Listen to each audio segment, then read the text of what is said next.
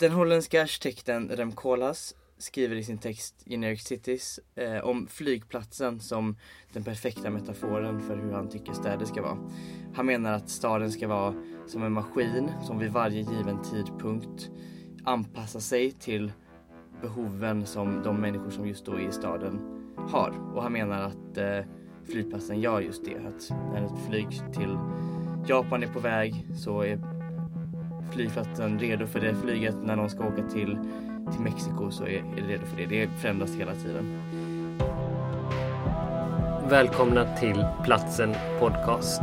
Idag ska vi prata om flygplatsen. Vi som gör Platsen är jag, Samuel Horgby och Jag, Oskar Siman. Och, och du är här Oskar. Jag är här. Du är här i din, stra, din, din eh, garderob. Walking closet kan vi nästan kalla. Ja precis. Jag är hemma för en vecka från Moskva eh, och vi sitter i min klädkammare och eh, för att det är ljuddämpat här. Och vi kommer inte in i studion. Men det blir bra. Eh, och ja, det är trevligt att vara här. Hur är det med dig Samuel? Ja, men det är bra. Ehm, Jag har egentligen inte så mycket att säga. Jag pluggar på. Ja. Eh, Mitt liv rullar på. Ehm, Hur är det med dig? Hur har du det på andra sidan Östersjön? Andra sidan Östersjön, det är bra. Det är mycket, mycket att göra men det är, nej men det funkar. Mm. Jag, eh, ja, men det tar ju oss osökt in på dagens tema flygplatser. Jag kom ju hit för några dagar sedan och då spenderade jag en viss tid på flygplatser. För, för att komma hit så måste man till Göteborg. Eh, så går det inga direktflyg till, Eh, till och från Moskva utan man får byta någonstans. Jag var i Helsingfors, spenderade några timmar där och det är ju lite speciella Alltså flygplatser är lite speciella tycker jag för att ofta, när, särskilt när man har ett byte, tycker jag, så är man så åker man, liksom man flyger från en, en plats där man har varit. Sen så, så liksom kommer man ner på marken på en annan plats, i Helsingfors då till exempel. Men man upplever det ju inte riktigt som att man faktiskt är i Helsingfors då. Utan man är någon sorts geografiskt icke, icke-mark. Ja, och Helsingfors flygplats hade lika gärna kunnat vara eh, någon annan flygplats och du hade inte... eh, Jag tänker att du, eh, om två veckor hade du inte ens behövt komma ihåg om du bytte i Helsingfors eller om det var eh, Amsterdam. Nej men liksom. precis. Och jag hade ju, alltså jag, någon gång bytte jag i Stockholm när jag flög hem. Och man kan byta i Amsterdam, i, ja lite var som helst liksom. Och så här, det enda som egentligen är, gör någon skillnad är hur långa flygtiderna är. Men var man egentligen är, ja det spelar inte så mycket roll. Eh, och jag undrar lite då, det här det jag har tänkt på lite grann är det här vi börjar med med Kolas eh, citatet om att, eh, om att flygplatsen är den liksom perfekta, flexibla, perfekta, elastiska platsen som alltid anpassar sig efter de behov som finns. Och både du och jag, vi har jobbat på flygplatser. Mm, precis. Du har Om- jobbat här på Landvetter. På Landvetter, precis. Eh, och jag har jobbat i, på Orly flygplatsen som är den, den mindre fast fortfarande väldigt stor flygplats i Paris. Vad gjorde du där? Eh, jag jobbade i en, eh, eller rättare sagt jag fick, jag fick jobbade i centrala Paris men jag fick rycka in ibland eh, i en, en kakbutik som var väldigt riktad till turister. Just det. Eh, och du jobbade på apoteket. På apotek på flygplatsen, precis. Och, nej men, återgå till, till Kola så, så jag upplevde ju inte riktigt Landvetter som den här perfekta elastiska maskinen. Jag kunde ofta känna att det var lite så här smått kaos i, i bak i kulisserna. Jag kommer ihåg det var strömavbrott någon gång. Det kändes som att, ja men, ibland var det helt tomt och dött, ibland jättelånga köer. Det kändes inte som att, som att det liksom var en perfekt modell för hur städer borde fungera. Nej. Vad har du för upplevelser kring det? Nej men på Orly så var det kanske mer så.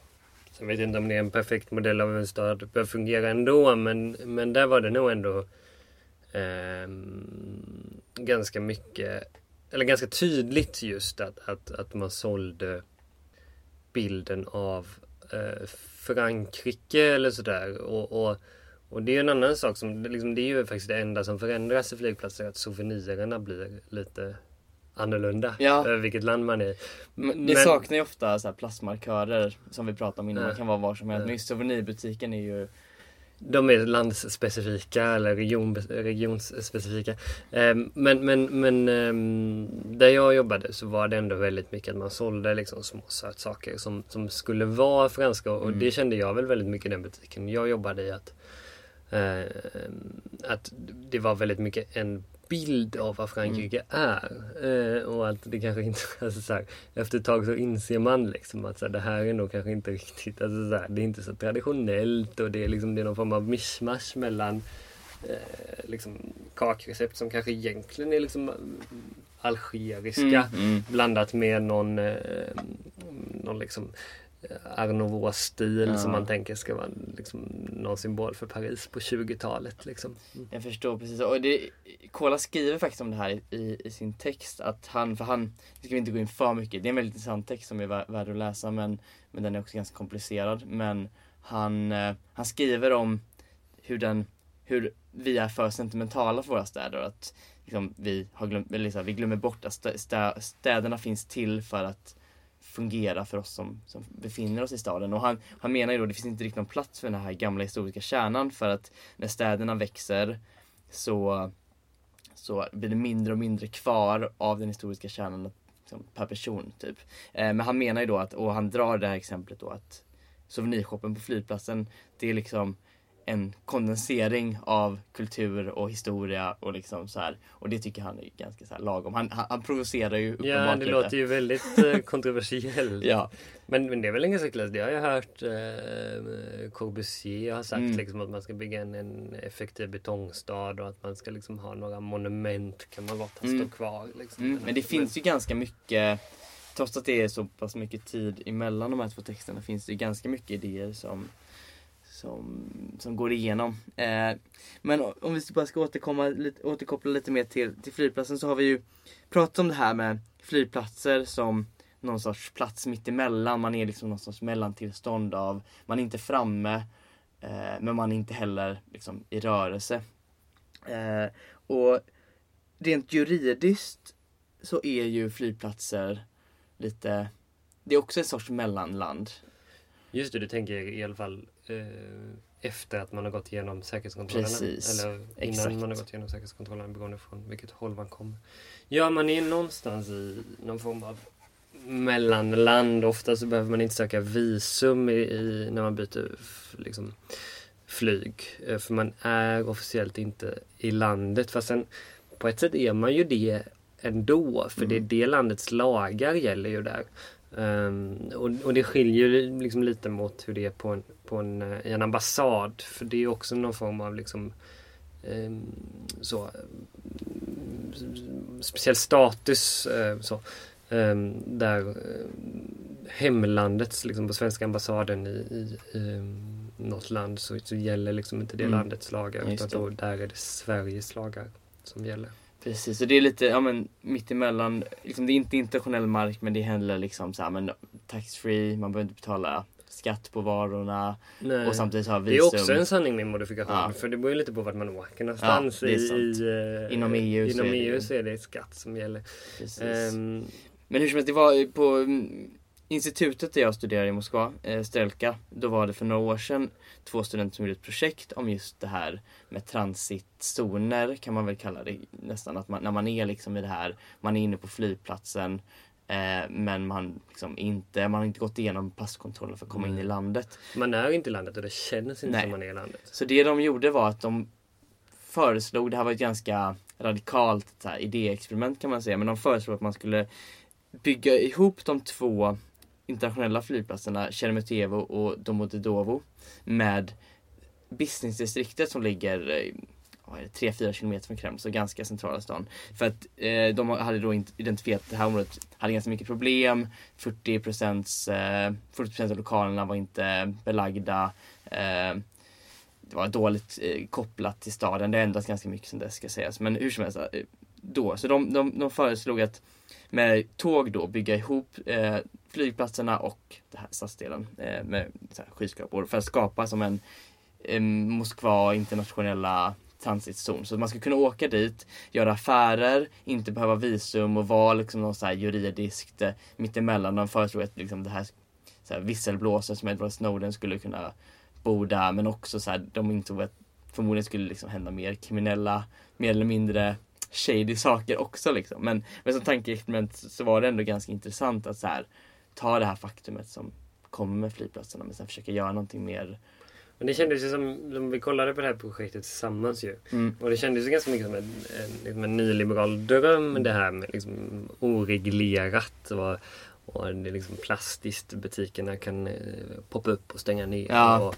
och eh, det är inga skatter. Nej. Och liksom en, sån, en väldigt eh, nyliberal syn på vad ekonomi är och hur man får ekonomi att funka. Mm. Men det är lite intressant, för nu, nu känner inte jag de här personerna som har gjort det projektet men jag kan tänka mig att de inte är, kommer från det hållet lite grann men mycket av filosofin som är på Stelke är att liksom istället för att vara försöka gå mot strömmen vilket sällan är särskilt effektivt. Liksom man kan säga att kapitalismen den suger, vi vill inte ha något med det att göra liksom. Men vad ska man göra? Så ofta För handlar det den om... är där ändå. Ja den är ju där, vi kan inte göra, Mm. alltså så här, vi kan ju önska liksom men det är inte så mycket vi kan göra åt det. Så då handlar det mycket om att istället för att eh, istället för att då försöka motarbeta det, jobba inom det och försöka skapa någonting användbart, intressant, skapa projekt som kanske liksom belyser hur det systemet fungerar eh, inom systemet.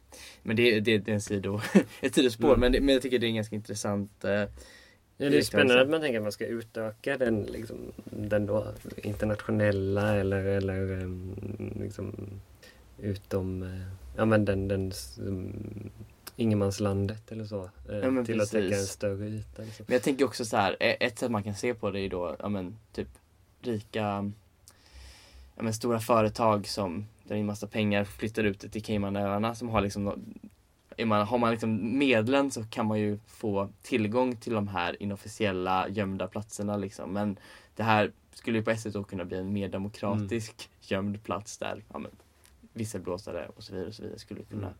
tillgå. Men det var spännande när jag var, jag var tillbaka i Paris eh, för ett halvår sedan eller så. Eh, och bara bytte flyg. Men då var jag också tvungen att byta flygplats. För jag kom från Istanbul och landade på Charles de Gaulle, den stora flygplatsen i Paris. Och sen så, så skulle jag ta ett, ett inrikesflyg till Lyon. Och alla, i princip i alla fall, alla inrikesflyg i Frankrike går från Orly. Så då var jag tvungen att ehm, ta mig igenom passkontroll, Mm. eh, sätta mig på en buss och åka in till centrala Paris. ehm, och sen byta buss och åka ut Ja. till ehm, eller snarare jag fick åka tunnelbana, sen fick jag byta buss och åka till, till eh, Orly. Eh, och det var också en väldigt märklig känsla av att byta flyg men faktiskt känna Paris, faktiskt vara. Mm. i Paris. Ehm, även om jag bara var i Paris i en halvtimme. Ja. Men, men, ehm, men då var jag också i den butiken där jag jobbade och såg att uh, båset finns visserligen kvar. Ja. Liksom, eller så. Eh, men butiken är inte längre där. Nej, det, det ändras ju mycket ändå Mm. eh, i flygplatser. Och, eh, jag bara kom att tänka på nu, det var ingen, ingenting vi pratade om innan men eh, på Radisson SAS i, i eh, Köpenhamn, som inte hette så när det, det byggdes. Hotellet? Ja, jag kommer inte ihåg vad det hette, men det är lite så Arne Jacobsen. Eh, en av idéerna bakom var att man skulle checka in sitt flyg, för det var ju då ett eh, SAS-hotell. Så du skulle checka in på ditt flyg i receptionsdisken liksom. Mm.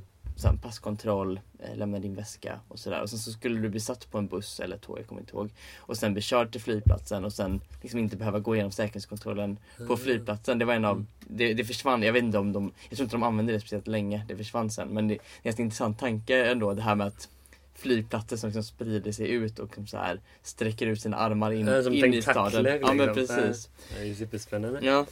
Ehm.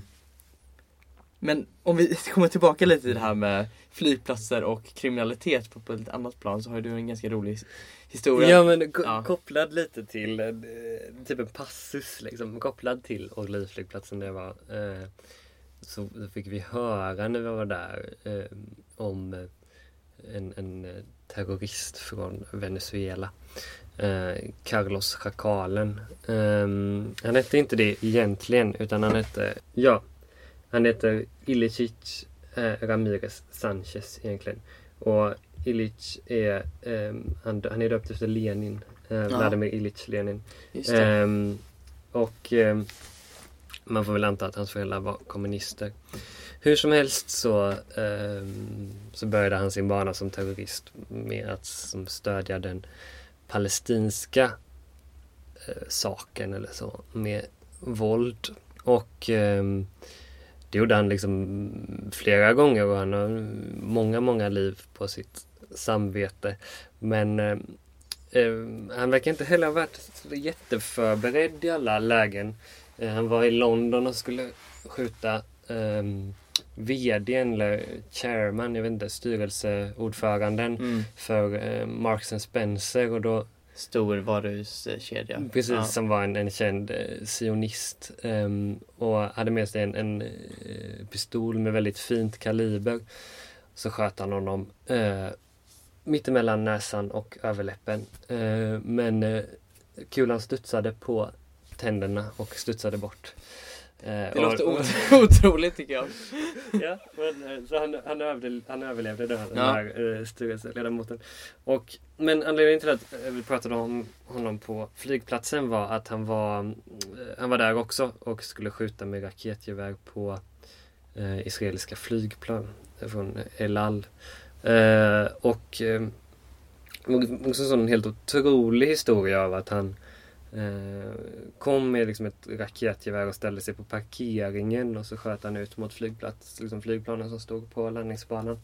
Eh, det var lite sämre flygsäkerhet då tänker jag.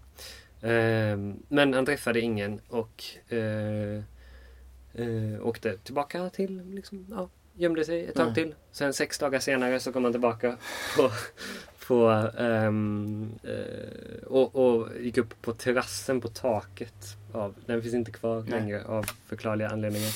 Och, och sköt då igen på israeliska flygplan men eh, misslyckades med det.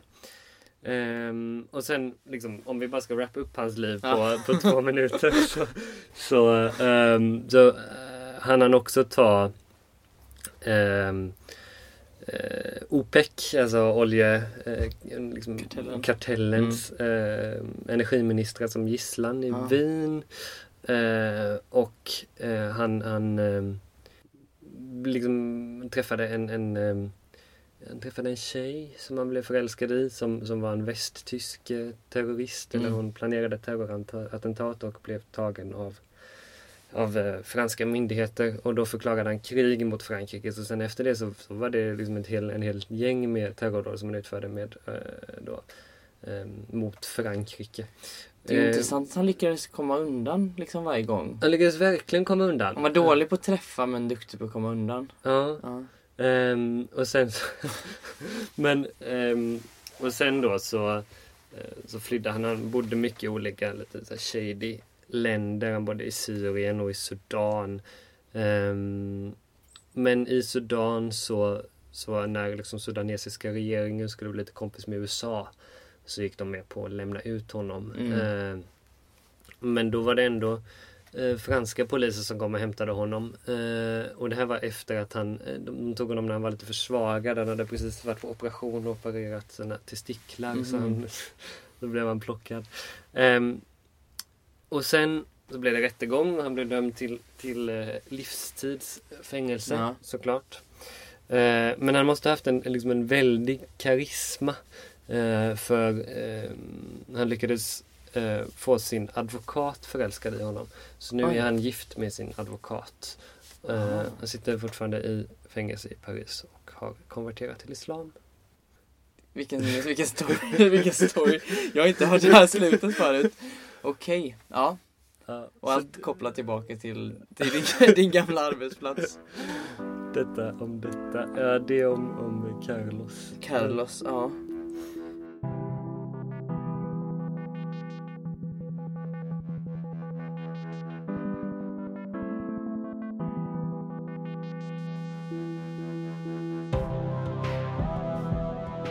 Så, eh, för att så här, knyta ihop det här och komma tillbaka till frågan, så här, är flygplatsen den här perfekta flexibla platsen som, som alltid utvecklas efter, de, utvecklas efter de behov som finns? Som Kolas eh, påstår.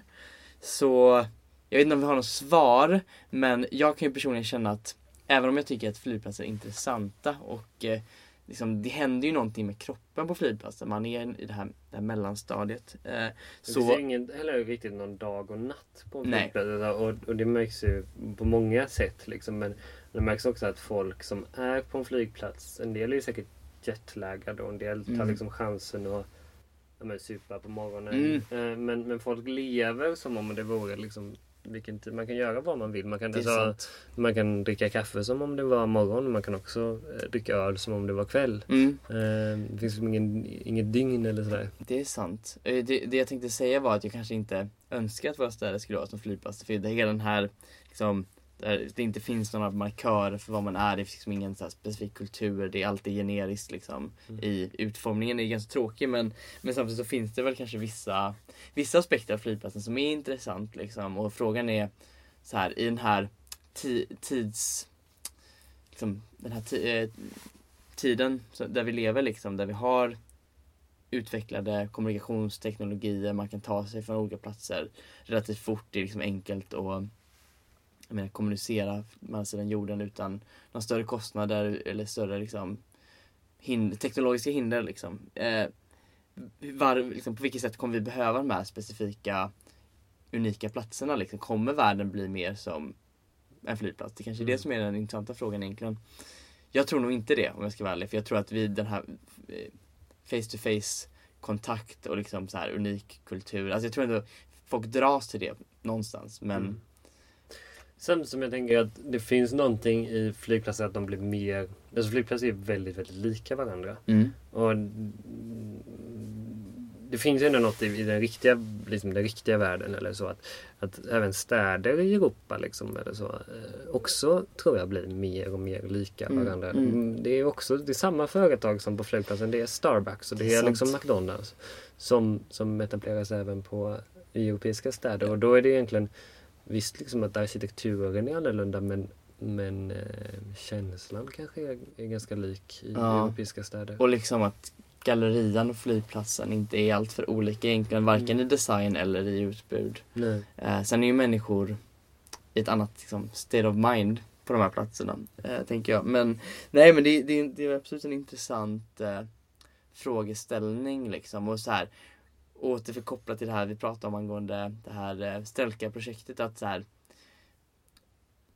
Frågan är hur man ska liksom ställa sig till den här flygplatsutvecklingen då om vi säger att vi är en sån. Är det, är det någonting man ska vara anti och så här, kämpa emot eller ska man liksom kanske försöka hitta de intressanta eh, aspekterna av det. Just, men kanske Mm. man kan istället för att framhäva bara McDonalds och Subway och Starbucks så kanske det här, det här stadiet i att vara mitt emellan, att vara liksom lite platslös. Det kanske kan, man kanske kan hitta den känslan i sin egen stad även fast man är utan att resa Mm. ibland och det kanske kan vara ganska uppfyllande på något sätt. Ja, eller obehagligt. Eller obehagligt. Ja. Det kanske Ska vi sluta avsluta där. Tack för att ni lyssnade. Eh, vi som gör den här podden heter Oskar Siman. och Samuel Hogby. Och eh, vignetten är gjord av Sara Lindström. Tack så mycket, ha det bra. Hej då.